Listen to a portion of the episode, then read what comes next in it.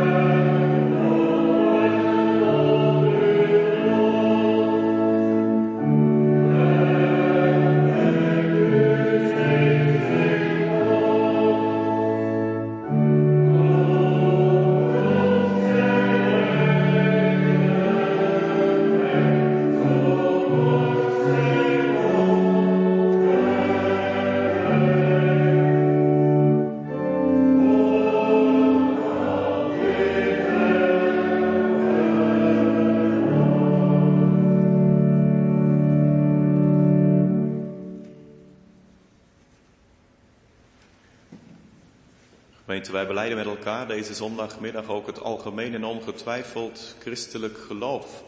Met de woorden van de twaalf artikelen van de apostolische geloofsbeleidenis. Daarna zingen wij in antwoord daarop Psalm 27, het zevende vers. Zo ik niet had geloofd dat in dit leven mijn ziel Gods gunst en hulp genieten zou, mijn God, waar was mijn hoop, mijn moed gebleven? En wat er verder volgt in het zevende vers van Psalm 27 in antwoord op de geloofsbeleidenis. Ik nodig u hier in de kerk en ook u die thuis met ons verbonden bent uit om in het hart mee te beleiden. Ik geloof in God de Vader, de Almachtige, Schepper van de hemel en van de aarde. En ik geloof in Jezus Christus, zijn enige geboren zoon, onze Heere, die ontvangen is van de Heilige Geest, geboren uit de maagd Maria, die geleden heeft, onder Pontius Pilatus is gekruisigd, gestorven en begraven, nedergedaald ter helle. Die ten derde dagen wederom is opgestaan van de doden opgevaren is ten hemel, waar hij zit aan de rechterhand van God, de Almachtige Vader, van waar hij komen zal, om te oordelen de levenden en de doden. Ik geloof in de Heilige Geest. Ik geloof één heilige, algemene christelijke kerk, de gemeenschap der heiligen, de vergeving van de zonden, de wederopstanding van het vlees en een eeuwig leven. Amen.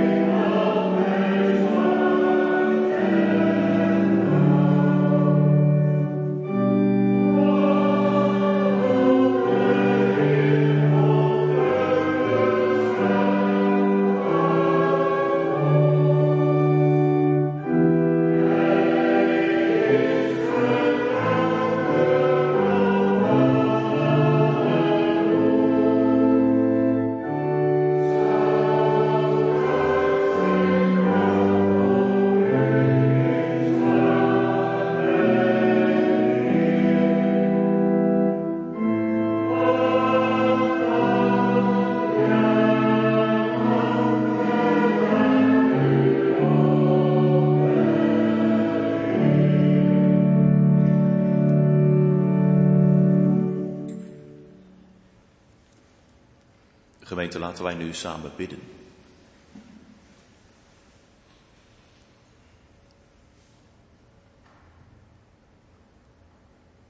Heere, onze God in de hemel,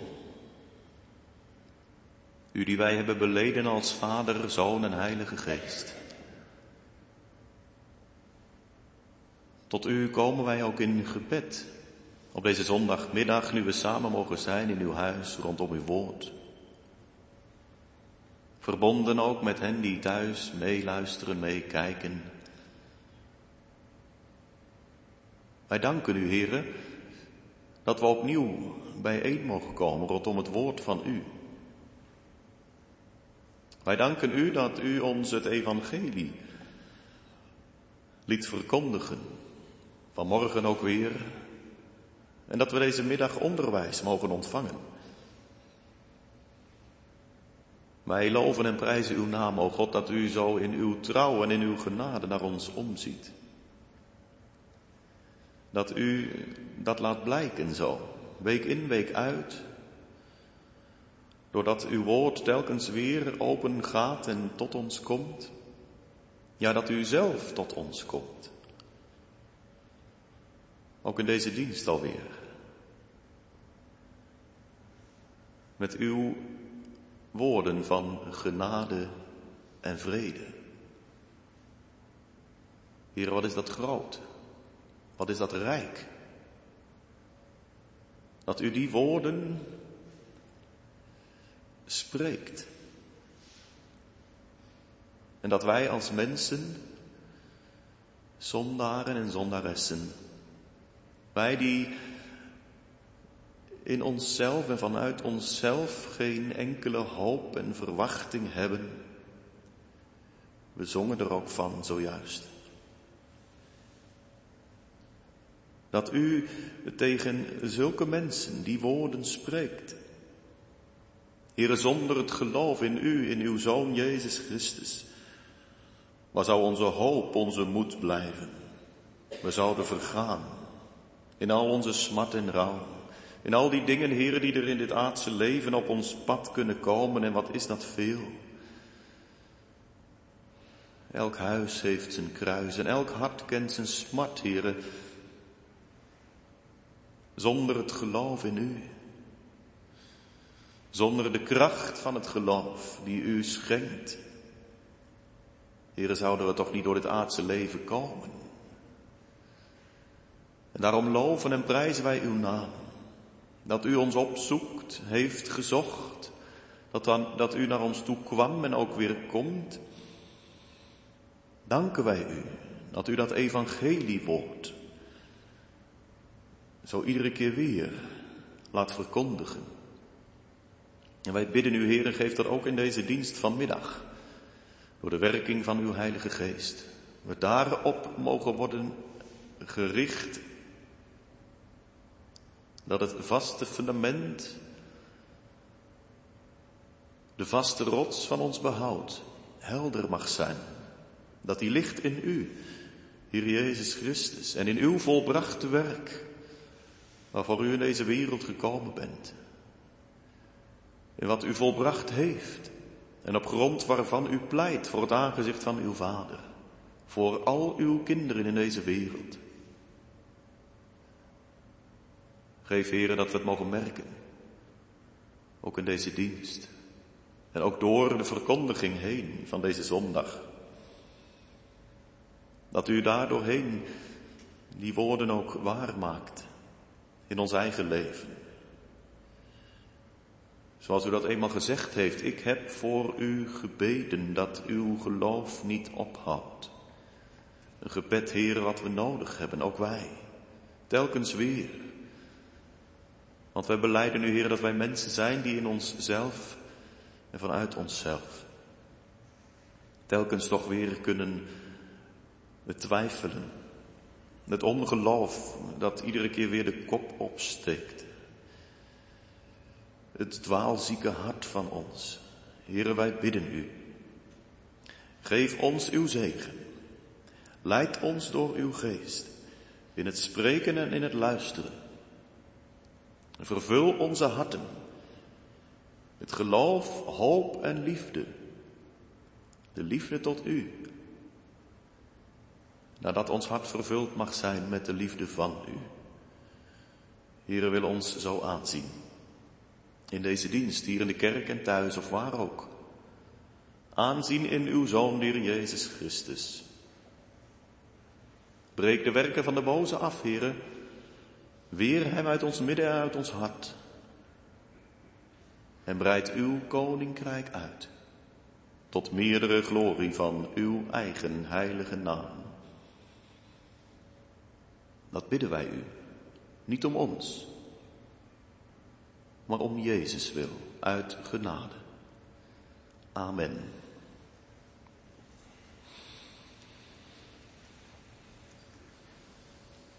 Gemeente, wij lezen vanmiddag twee gedeelten uit Gods Woord. En wel uit Johannes 15 en Romeinen 6.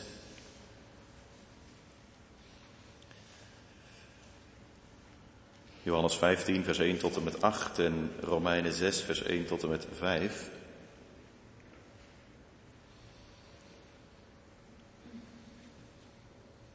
En in de verkondiging straks komt het onderwijs tot ons naar aanleiding van zondag 24 van de Heidelbergse Catechismus.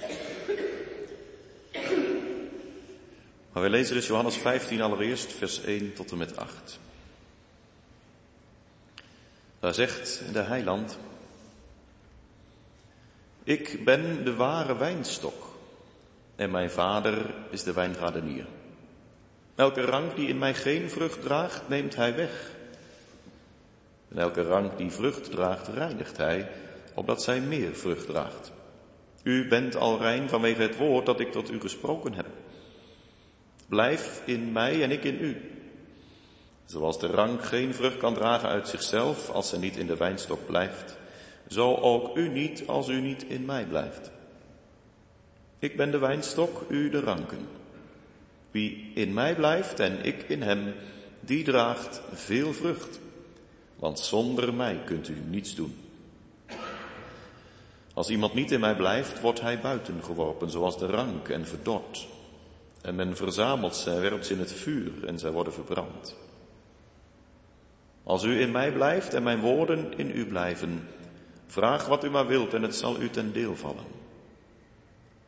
Hierin wordt mijn Vader verheerlijkt, dat u veel vrucht draagt en mijn discipelen bent. Tot zover de lezing uit Johannes 15. En lezen wij dan nu uit Romeinen 6 vanaf vers 1 tot en met 5. Wat zullen wij dan zeggen? Zullen wij in de zonde blijven, opdat de genade toeneemt? Volstrekt niet. Hoe zullen wij die aan de zonde gestorven zijn nog daarin leven? Of weet u niet dat wij allen die in Christus Jezus gedoopt zijn, in zijn dood gedoopt zijn? Wij zijn dan met hem begraven door de doop in de dood, opdat evenals Christus uit de doden is opgewekt tot de heerlijkheid van de Vader, zo ook wij in een nieuw leven zouden wandelen.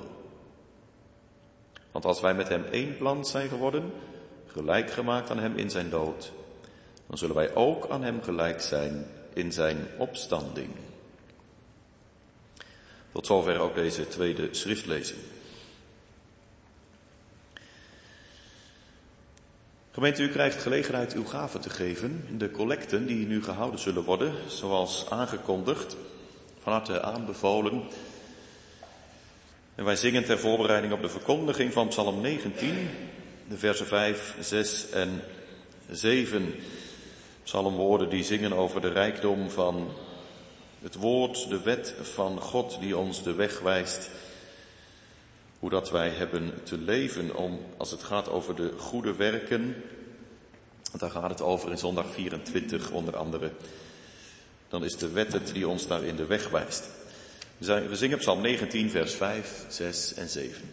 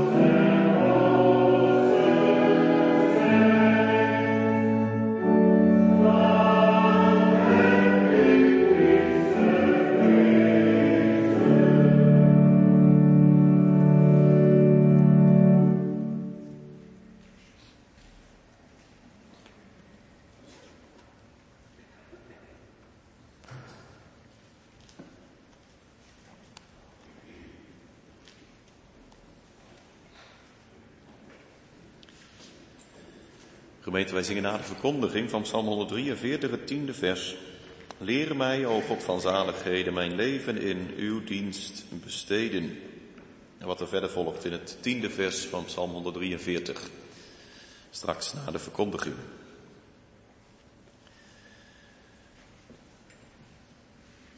Gemeente, vanmiddag komt het onderwijs tot ons naar aanleiding van zondag 24 van de Heidelbergse Catechismus. De vragen en antwoorden 62, 63 en 64. En ik lees eerst die vragen en antwoorden. Er wordt allereerst gevraagd, maar waarom kunnen onze goede werken niet de gerechtigheid voor God zijn of een stuk daarvan zijn?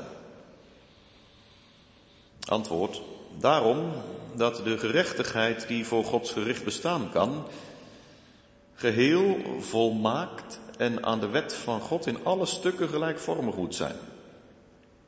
En dat ook onze beste werken in dit leven allen onvolkomen en met zonden bevlekt zijn. Hoe verdienen onze goede werken niet, die God nogthans in dit en in het toekomende leven wil belonen? Antwoord. Deze beloning geschiet niet uit verdiensten, maar uit genade. Maar maakt deze leer niet zorgeloze en goddeloze mensen? Antwoord nee zij. Want het is onmogelijk dat zo wie Christus door een waarachtig geloof is ingeplant, niet zou voortbrengen vruchten der dankbaarheid.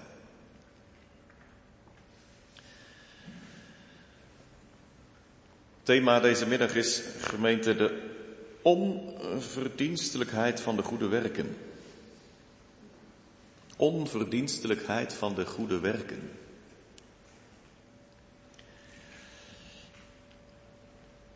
Je kunt er soms een beetje moe van worden, van vragen die worden gesteld. Misschien herkent u het. Waarom moet dat nu? En waarom mag dat niet? Ja, maar het is misschien toch wel net iets anders. Vragen die kinderen, jongeren kunnen stellen, leergierig of nieuwsgierig als ze zijn. Mooie vragen, maar soms ook wel met de ondertoon van het schijnbaar beter wetend. Dat soort vragen komen we in zondag 24 tegen. Hiervoor, in zondag 23, daar ging het over de harde kern van het evangelie. De rechtvaardiging van de goddeloze door het geloof alleen. Dat was toen, in de tijd van de reformatie, maar dat is ook nu, een ongehoorde boodschap. Daar wil een mens niet aan, van nature. Natuurlijk, ik hoor al mensen in gedachten tegenspreken.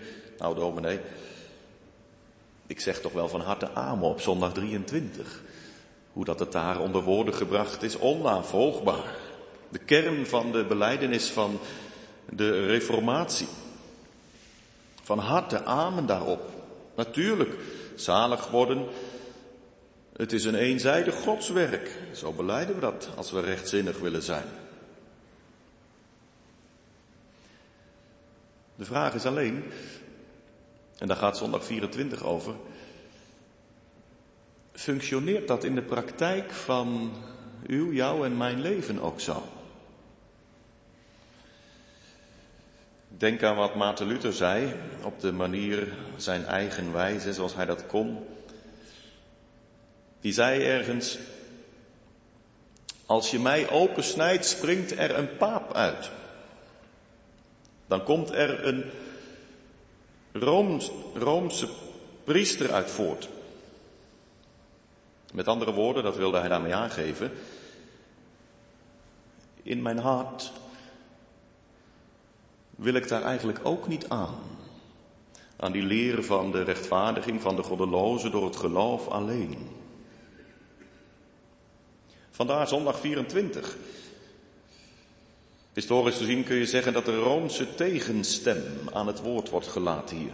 Met haar vragen Maar waarom en hoe dan? Maar drie van dat soort vragen. En tegelijk zou het niet terecht zijn, ik zei dat al met, met Luther met zoveel woorden, om dat alleen maar een Roomse tegenstem te noemen. Het is een tegenstem uit ons eigen hart. Tegen die leer van de rechtvaardiging door het geloof alleen. Onverdienstelijkheid van de goede werken. Als wij eerst kijken naar wat er dan gezegd wordt in die vraag en antwoord 62 gemeente, dan blijkt al direct dat zondag 24 een onderstreping wil zijn van de beleidenis van zondag 23. In die zin dat niet onze goede werken de oorzaak zijn dat een mens rechtvaardig voor God komt te staan. We verdienen het niet. Maar tegelijk, en dat klinkt in die vraag dan door, tegelijk zijn de goede werken toch niet overbodig. Denk ook maar even verderop, zondag 32 en zondag 33 van de catechismus, als het gaat over de dankbaarheid. Daar wordt het ook gevraagd, maar waarom moeten wij dan nog goede werken doen, aangezien we alleen uit genade zalig worden? Daar komen die goede werken weer helemaal terug. In het kader van de dankbaarheid wel te verstaan. Een mens wordt niet zalig, gemeente, door goede werken. Maar evenmin zonder goede werken. Denk maar aan de brief van Jacobus in het Nieuwe Testament. Het geloof zonder de werken is dood. Het kan dus niet zonder elkaar. Dus die eerste vraag in zondag 24, ja, die is nog niet zo vreemd. Maar waarom kunnen onze goede werken dan niet de gerechtigheid van God zijn? Of dan een deel daarvan zijn? Oftewel, zo wordt gevraagd, waarom wordt een mens toch ook niet deels gerechtvaardigd op grond van wat hij doet? En ook al beleiden we met elkaar dat we het niet op grond van de goede werk is, toch kom je die gedachte soms zomaar tegen. Dat als we over iemand spreken, over dat was toch zo'n goede man, die deed niemand kwaad, hij gaf ieder het zijne. Onberispelijk in zijn levenswandel, zo iemand, die komt toch zeker wel in de hemel. Nou ja, als je zo denkt, zo redeneert, dan lijkt het toch op zijn minst alsof dat dat komt omdat die man zo goed was en zo goed deed. Daarom, hoe functioneert die beleidenis van zondag 23 in de praktijk? De vraag, vraag 62 aan het begin van zondag 24, begint niet voor niets met maar. Het is een, een tegenstelling, maar. Met andere woorden, een vraag van de zelf, zelfhandhaving van de mens. Wij schuren immers toch allemaal aan, gemeente, als mensen tegen die leren van de vrije genade alleen. Waarom moet nou echt al het menselijke uitgeschakeld worden? We willen zo graag de Heer iets aanbieden. Toch? Een beetje zoals je, wanneer je bij iemand op bezoek gaat, je vaak iets meeneemt. Ook al zegt die ander wel van dat het niet hoeft. Je neemt toch graag iets mee. Je komt niet graag met lege handen bij iemand op bezoek. Nou, ook in geestelijk opzicht. Wij nemen zo graag iets mee als wij voor God zouden moeten verschijnen. Iets wat we, wat we hebben dan blijkbaar in onze handen. De leer waar de Reformatie mee gebroken had, de Roomse leer van de medewerking van de mens met het werk van God, het sluit nauw aan bij ons menselijk hart. En natuurlijk zeggen we dan, natuurlijk ben ik niet volmaakt. Ik ben niet zonder zonde, geen mens is zonder zonde. Maar dat er nou helemaal niks meetelt van mijzelf voor Gods aangezicht? Nu gemeente inderdaad. Toch is dat precies wat de beleidenis ons hier ook weer leert. De catechismus, zo gezegd, slaat op grond van het woord al onze jamaars en onze waaroms, zoals deze vraag ook, uit handen. Waarom? Nu, dat wordt in antwoord 62 gezegd. Daarom, omdat de gerechtigheid die voor Gods gericht bestaan kan, geheel volmaakt moet zijn en aan de wet van God in alle stukken gelijkvormig moet zijn. De wet van God eist volmaaktheid. En dan denk ik ook weer even aan diezelfde brief van Jacobus die ik net al even noemde. Daar staat ook in, wie de hele wet houdt en struikelt in één ding, die staat schuldig aan alle geboden. Een geheel volmaakt leven, gemeente, dat redden wij niet. En nooit. En dat terwijl de Heer geen genoegen neemt met half werk. Nee, het moet geheel volmaakt zijn. En aan heel zijn wet beantwoorden. Dat zou betekenen dat heel ons leven volmaakt moest zijn. Dat je nooit geen enkele zonde zou kunnen doen. Dat je nog geen verkeerde gedachten zou mogen hebben. En dan niet even, maar heel het leven door. Jaar in, jaar uit. En ja, dat is niet de praktijk. Dat is niet de werkelijkheid. Ook onze beste werken zijn in dit leven alle onvolkomen en met zonden bevlekt. Catechismus verwijst hier naar Jesaja 64. Al onze gerechtigheden zijn als een wegwerpelijk kleed. Onvolmaakt, bevlekt.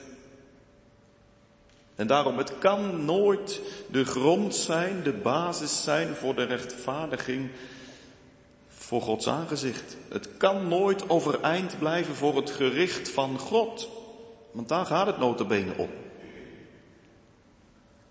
Voor de rechterstoel van God blijft alleen het volmaakte overeind.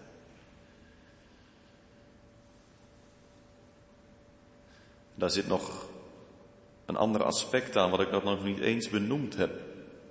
Gemeente, onze goede werken, zelfs onze beste werken, zoals het dan hier wordt gezegd. Daar kunnen toch altijd nog weer ook onzuivere motieven bij zitten. Goede werken, ze zijn immers, zo zegt zondag 33, alleen tot eer van God bedoeld. Hoe gemakkelijk sluit er toch niet iets van eigen belang en zelfbedoeling bij in. Ook bij de goede dingen die we als mensen doen. Daarom onmogelijk.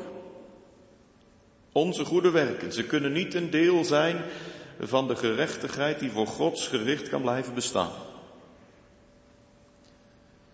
Je zou zeggen, dat is toch de heldere taal. Nou moet het toch wel afgelopen zijn met al die vragen. En toch is dat niet het geval. Nee, er wordt nog weer doorgevraagd. In zondag 24. Hoe? In dat woordje hoe gemeente, in die vraag, vraag 63, daar klinkt nog een tegenwerping in door. Dat woordje hoe, je kunt ook het zo verstaan, die klank heeft het. Wat is dat nu, wat u daarvoor heeft gezegd? Verdienen onze goede werken niet, die God nogthans in dit en het toekomende leven wil belonen? Met andere woorden, er staat toch in de Bijbel dat God de goede werken beloont? Daar spreekt de schrift toch over, over loon en belonen? Dat is waar, gemeente. Daar wordt inderdaad in de schrift over gesproken. We hebben ervan gezongen zojuist. Het is wel de berijming, maar toch. Psalm 19. Hij die op u vertrouwt, uw wetten onderhoudt, vindt daarin grote loon. Inderdaad. Je leest het op andere plaatsen ook, in het Oude Testament. Boas die zegt tegen Rut, uw loon zij volkomen van de Heer. En er zouden nog meer voorbeelden te, te, te geven zijn. Inderdaad, er wordt over loon gesproken in de Bijbel. Belonen. En zo klinkt dat dan ook door in vraag 63. God wil de goede werken toch belonen in dit en in het toekomende leven? Het is toch waar wat de psalmdichter zingt in Psalm 119? Wat vree heeft elk die uw wet bemint, zij zullen aan geen hinderpaal zich stoten. Als je de wet van God houdt, dan zul je daarin toch gezegend worden, met andere woorden. En daartegenover het gaan in je eigen weg en het volgen van je eigen wil, ja, dat maakt onrustig. Dat geeft onvrede in het hart. Maar nu al, als wij die goede werken doen, als wij Gods wil gehoorzamen, dan geeft dat toch zegen. Iemand zei, nou dat is allemaal goed en wel. Maar dat is toch vooral oud-testamentisch. Die psalmen en die tekst die ik zojuist noemde van Boas die dat tegen Rut zei, is Oude Testament. Nu gemeente, toch is dat niet alleen maar iets wat je in het Oude Testament tegenkomt. De Heer Jezus zelf heeft erover gesproken. Over die goede werken. In de bergreden, Matthäus 5 tot en met 7. Matthäus 5 zegt de Heer Jezus, laat uw licht zo schijnen voor de mensen dat zij uw goede werken zien. En uw Vader die in de hemelen is, zullen verheerlijken. Met andere woorden zou je kunnen zeggen dat Jezus zelf dat zijn discipelen en ook ons voorhoudt. Laat het maar zien aan de wereld van wie je er eentje bent. Nee, niet tot eigen eer en glorie, dat is helder. Maar toch, die goede werken hebben zijn plek. En in de bergreden heeft de Heer Jezus dan ook over belonen. Matthäus 6. Als hij het dan heeft over het geven van de aalmoezen, over het doen van de gebeden en over het vasten, dan waarschuwt de Heer Jezus daar in dat gedeelte dat je dat niet in het openbaar moet doen. Dan waarschuwt de heiland voor huichelarij.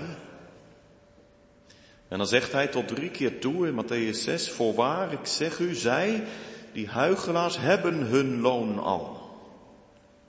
Maar uw vader die in het verborgene ziet, zal het u in het openbaar vergelden.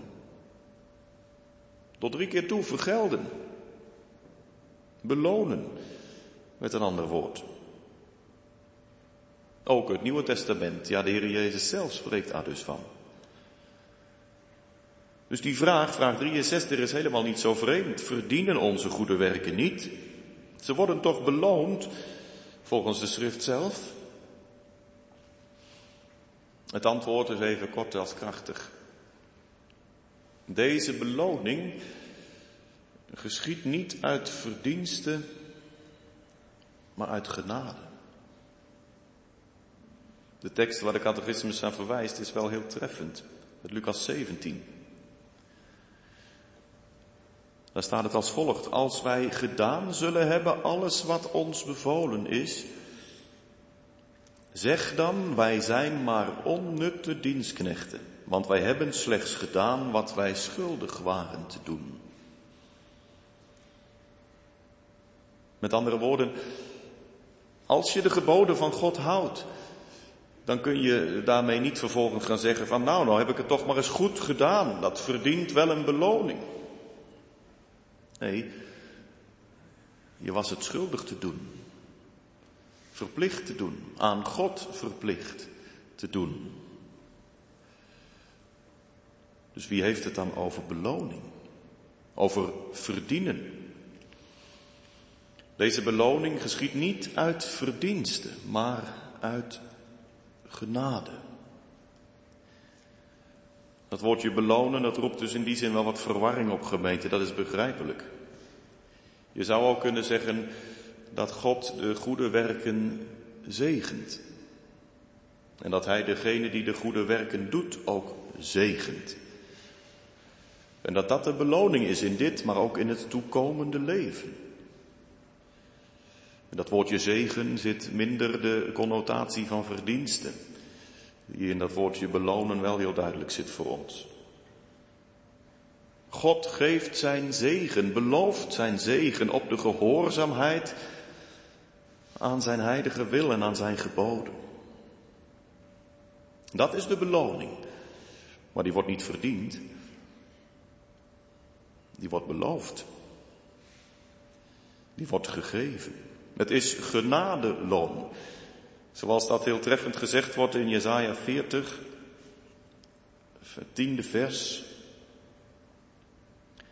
Een tekst die vooruit spreekt, vooruit ziet over het werk van de Heer Jezus Christus. De Heer zal komen, met macht zal hij heersen en zijn arbeidsloon is bij hem. Het gaat voor hem uit. Van de Heer Jezus kan dat gezegd worden. Zijn arbeidsloon, daar waar hij voor gewerkt heeft. Dat heeft hij bij zich en dat deelt hij uit, uit pure genade. Het loon wat hier bedoeld wordt, die beloning is door Christus verdiend. Hij is daar de weg van lijden en sterven voor gegaan. Hij is daarvoor gehoorzaam geweest aan de wil van zijn hemelse vader. Volmaakt gehoorzaam. Gehoorzaam geworden tot de dood. Ja, tot de kruisdood. Geen verdienste dus van onze kant, maar verdiend door de heiland. En genadig aan de mens geschonken. Je zou het ook zo kunnen zeggen, als het gaat over de goede werken. Het gaat niet over verdienen. Dat woord moeten we vergeten. Dat moeten we uit ons hoofd halen. Goede werken gaan niet over verdienen, maar over dienen. Het dienen van God. Het dienen van de heiland. Op grond van zijn woord, op grond van zijn geboden, ja. Geen verdienen, maar dienen. Dat zijn de goede werken. Immers, niet voor niets staat er geschreven in Efeze 2, want wij zijn zijn maaksel, geschapen in Christus Jezus om goede werken te doen die God van tevoren bereid heeft, opdat wij daarin zouden wandelen. De Heere heeft het voorbereid. We verdienen het niet. Het is geen prestatie, maar het is gratie. En zo komen we ook bij die laatste vraag van zondag 24 gemeten. Maar maakt deze leer niet zorgeloze en goddeloze mensen. Het is een heel ander soort tegenwerping. Je zou kunnen zeggen, vraag 63 is een tegenwerping op grond van de schrift. De Bijbel spreekt toch over beloning. Vraag 64 is een tegenwerping op grond van de levenspraktijk.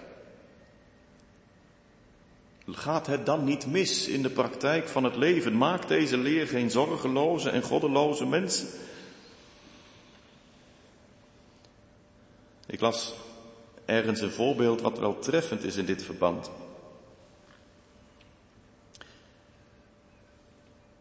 Voorbeeld uit de tijd nog voor de Reformatie. Een hertog in Saxen, Duitsland, stond bij het sterfbed van zijn schoonzoon. En hij zei tegen hem, zie af van alle eigen gerechtigheid En steun alleen op de verdiensten van de Heer Jezus. Zijn dochter, die daarnaast stond, bij het sterfbed van haar man, die vroeg aan haar vader, waarom wordt dit niet in het openbare geleerd? Waarom wordt het in de kerk niet zo gepreekt? Het antwoord wat die man gaf was zo, kind, dit moet men maar tot de stervenden zeggen. Hij bedoelde daarmee te zeggen, gezonde mensen zouden er maar misbruik van kunnen maken van deze leer. En dat gevaar is reëel. Niet in de tijd van de Reformatie of daarvoor, voor het eerst. Nee, ook in de tijd van de Bijbel al. We lazen er zoiets van in Romeinen 6. Het eerste vers. Zullen wij in de zonde blijven, opdat de genade meer wordt? Zondigen op Gods barmhartigheid, als het toch allemaal uit genade is en toch niet afhangt van onze eigen handel en wandel? Nou, dan maakt het er ook niet meer uit doordat je leeft. Zullen we dan maar in de zonde blijven? Ja, dat is inderdaad zorgeloos en goddeloos als we zo redeneren. Dat is zoveel als wat iemand ooit in scherp zei en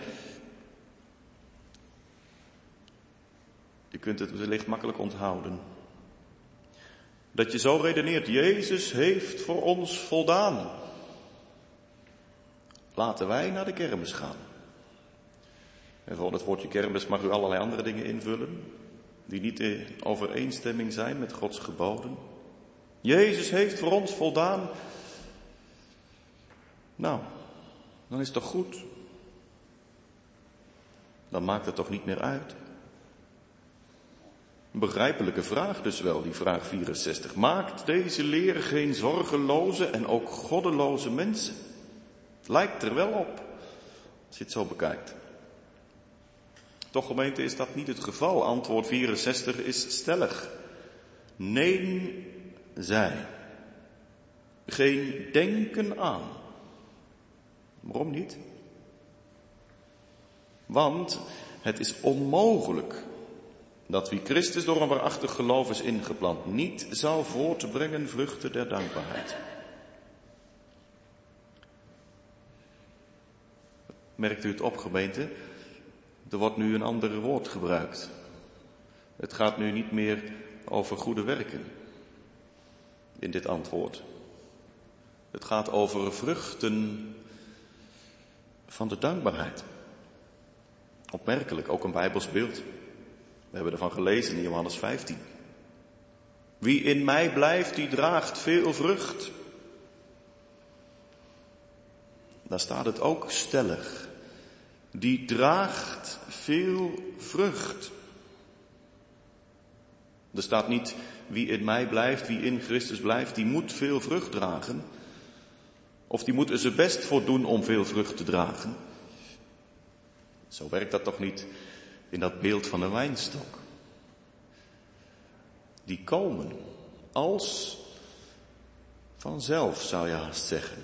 Wanneer de rank verbonden is met de wijnstok. En dan de voedingssappen door de wijnstok in de rank worden geperst, dan komt daar vrucht.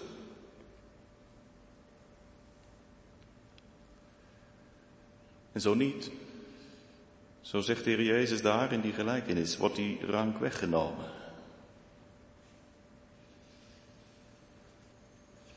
Het is onmogelijk, ondenkbaar dus, als wij door het geloof met Christus verbonden zijn, zoals Paulus dat in Romeinen 6 zegt, één plant met Hem geworden zijn. Dat betekent ingeënt, zoals een rank in de wijnstok. Als wij zo door het geloof met Christus verbonden zijn, dan verandert een mens. Dat kan niet uitblijven. En als dat wel uitblijft, ja, dan kan het haast niet anders of iemand is niet werkelijk met Christus verbonden en in hem ingeënt. Daarom ondenkbaar.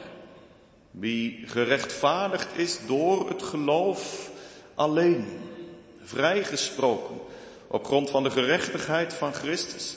Zo'n iemand wordt een ander mens. Die krijgt andere verlangens in zijn hart. Die krijgt lust en liefde om naar de wil van God in alle goede werken te leven. Zondag 33. De opstanding van de nieuwe mens wordt het daar genoemd. Dan ga je vruchten voortbrengen van geloof en van bekering. Zonder bekering en geloof, ja, dan zijn er inderdaad slechts zorgeloze en goddeloze mensen. Het is niet voor niets dat na de tijd van de reformatie daar de zogenaamde nadere reformatie is gekomen in ons land. En ook wel in andere gebieden. Het is de tijd van, van Jan Steen. Met de drinkgelagen op zijn schilderijen. U kent de uitdrukking wel, het huishouden van Jan Steen. De tijd waarin eh, dominee van Lodestein in Utrecht geen avondmaal wilde vieren met zijn gemeente. Omdat het zo'n zorgeloze gemeente was. In de lijn zoals hierover gesproken wordt. Ja, inderdaad, dat gevaar is dus reëel. Dat we er een loopje mee nemen. Maar dan, gemeente, zijn we niet werkelijk vernieuwd.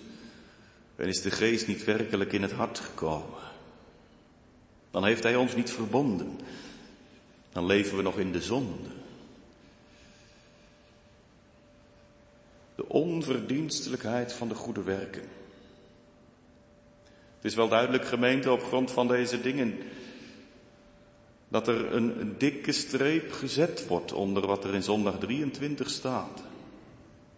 De rechtvaardiging door het geloof alleen. Onze goede werken leggen geen gewicht in de schaal als we staan voor de troon van God. Maar het geloof brengt wel wat teweeg in het leven van een christen. Je gaat vruchten voortbrengen van dankbaarheid tot eer van God, de Vader, de Zoon en de Heilige Geest, die te prijzen is tot in eeuwigheid. Amen.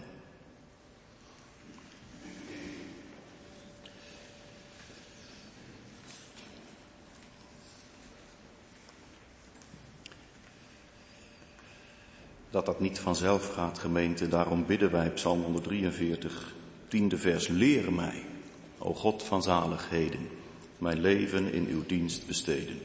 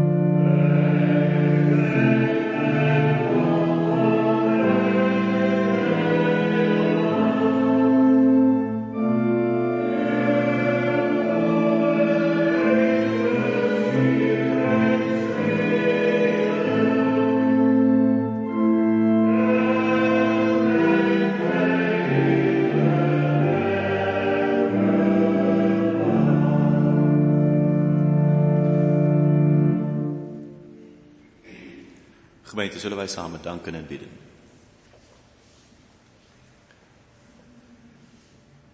Heere onze God in de hemel. Wat is het goed om in uw huis te zijn. En onderwijs te mogen ontvangen. En wij danken u, Heere, dat u ons ook door middel van de Heidelbergse catechismus een heldere richtlijn hebt gegeven in de geschiedenis van de kerk. die ons bij de les houdt en brengt. Die ons telkens ook weer leert dat we alleen door u, Heer Jezus Christus, zalig kunnen worden. Alleen door uw werk, wat u heeft volbracht. We danken u, heren, dat we daar ook vanmiddag weer op gewezen werden. En dat zou dit onderwijs ook als een spiegel voor ons leven is. Hoe functioneert die beleidenis in de praktijk van ons eigen leven?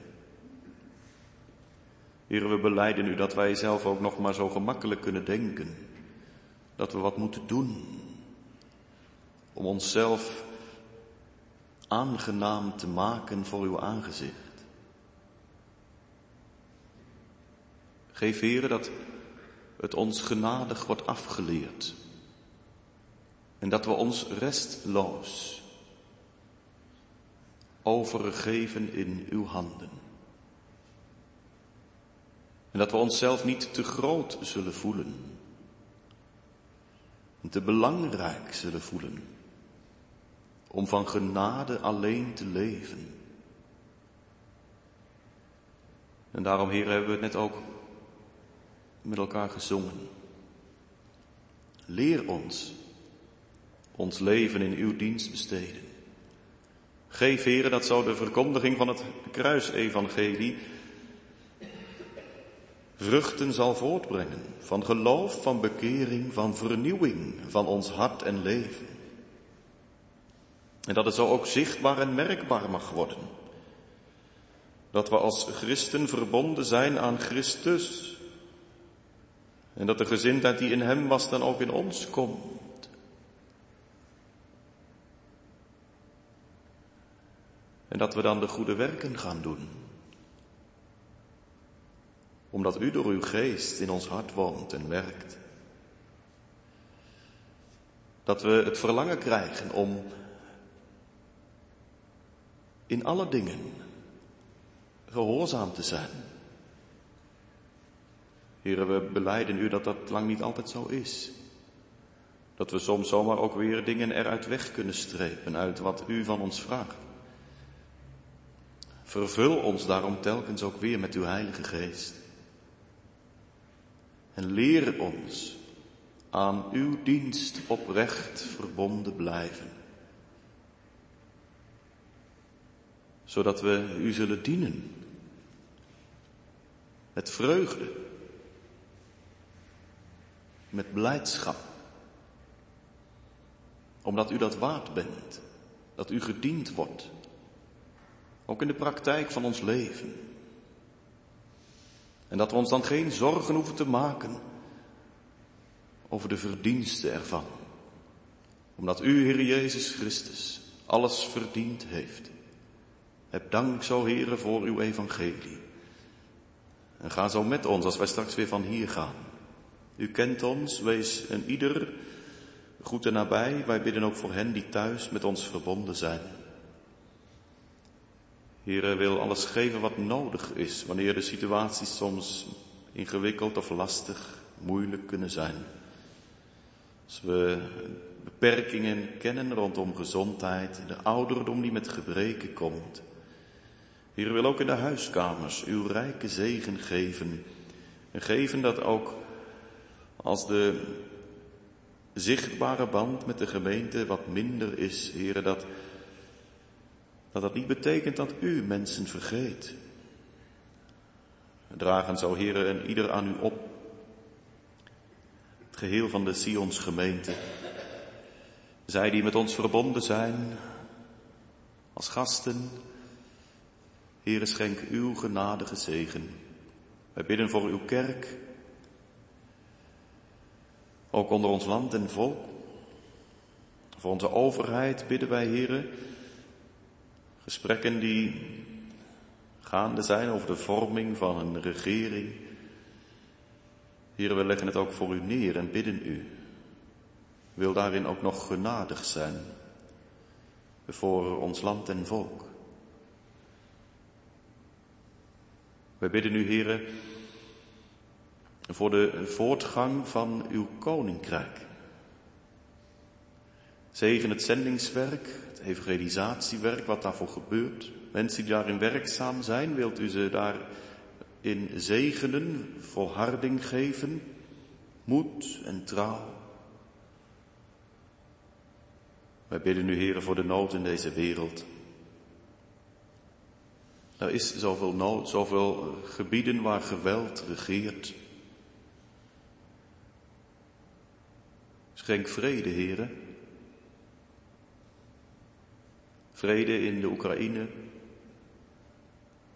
in Israël, in de Gazastrook. Maar ook zoveel gebieden meer waar geweld aan de orde van de dag is, waar het recht van de sterkste geldt. Waar zoveel mensen onrecht lijden, verdrukt worden. Heer, het roept alles om uw komst en de komst van uw koninkrijk waar vrede en gerechtigheid zal heersen. Geef Heer dat het komen zal. U heeft het beloofd. Leer ons ernaar uitzien, ernaar verlangen, naar die grote dag waarop u een einde zult maken aan alle onrecht, aan alle geweld, aan alle lijden en uw recht zult doen. En uw kerk de volkomen verlossing zult geven die u, Heer Jezus Christus, heeft verworven.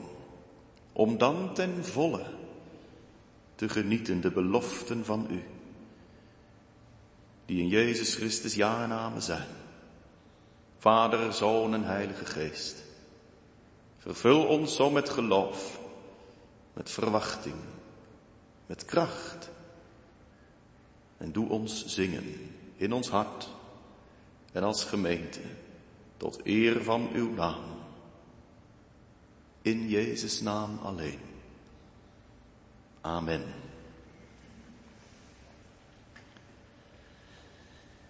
Gemeente, wij zingen met elkaar. Psalm 149, vers 1. Looft, looft de Heer die onbedwongen een nieuw gezang zij toegezongen in het midden van zijn gunstelingen die hem ter ere zingen. Het eerste vers en dan ook het vijfde. Zo zal de heerlijkheid der vromen op het luisterrijkst voorschijn komen. En wat er verder volgt, vers 1 en 5 van Psalm 149.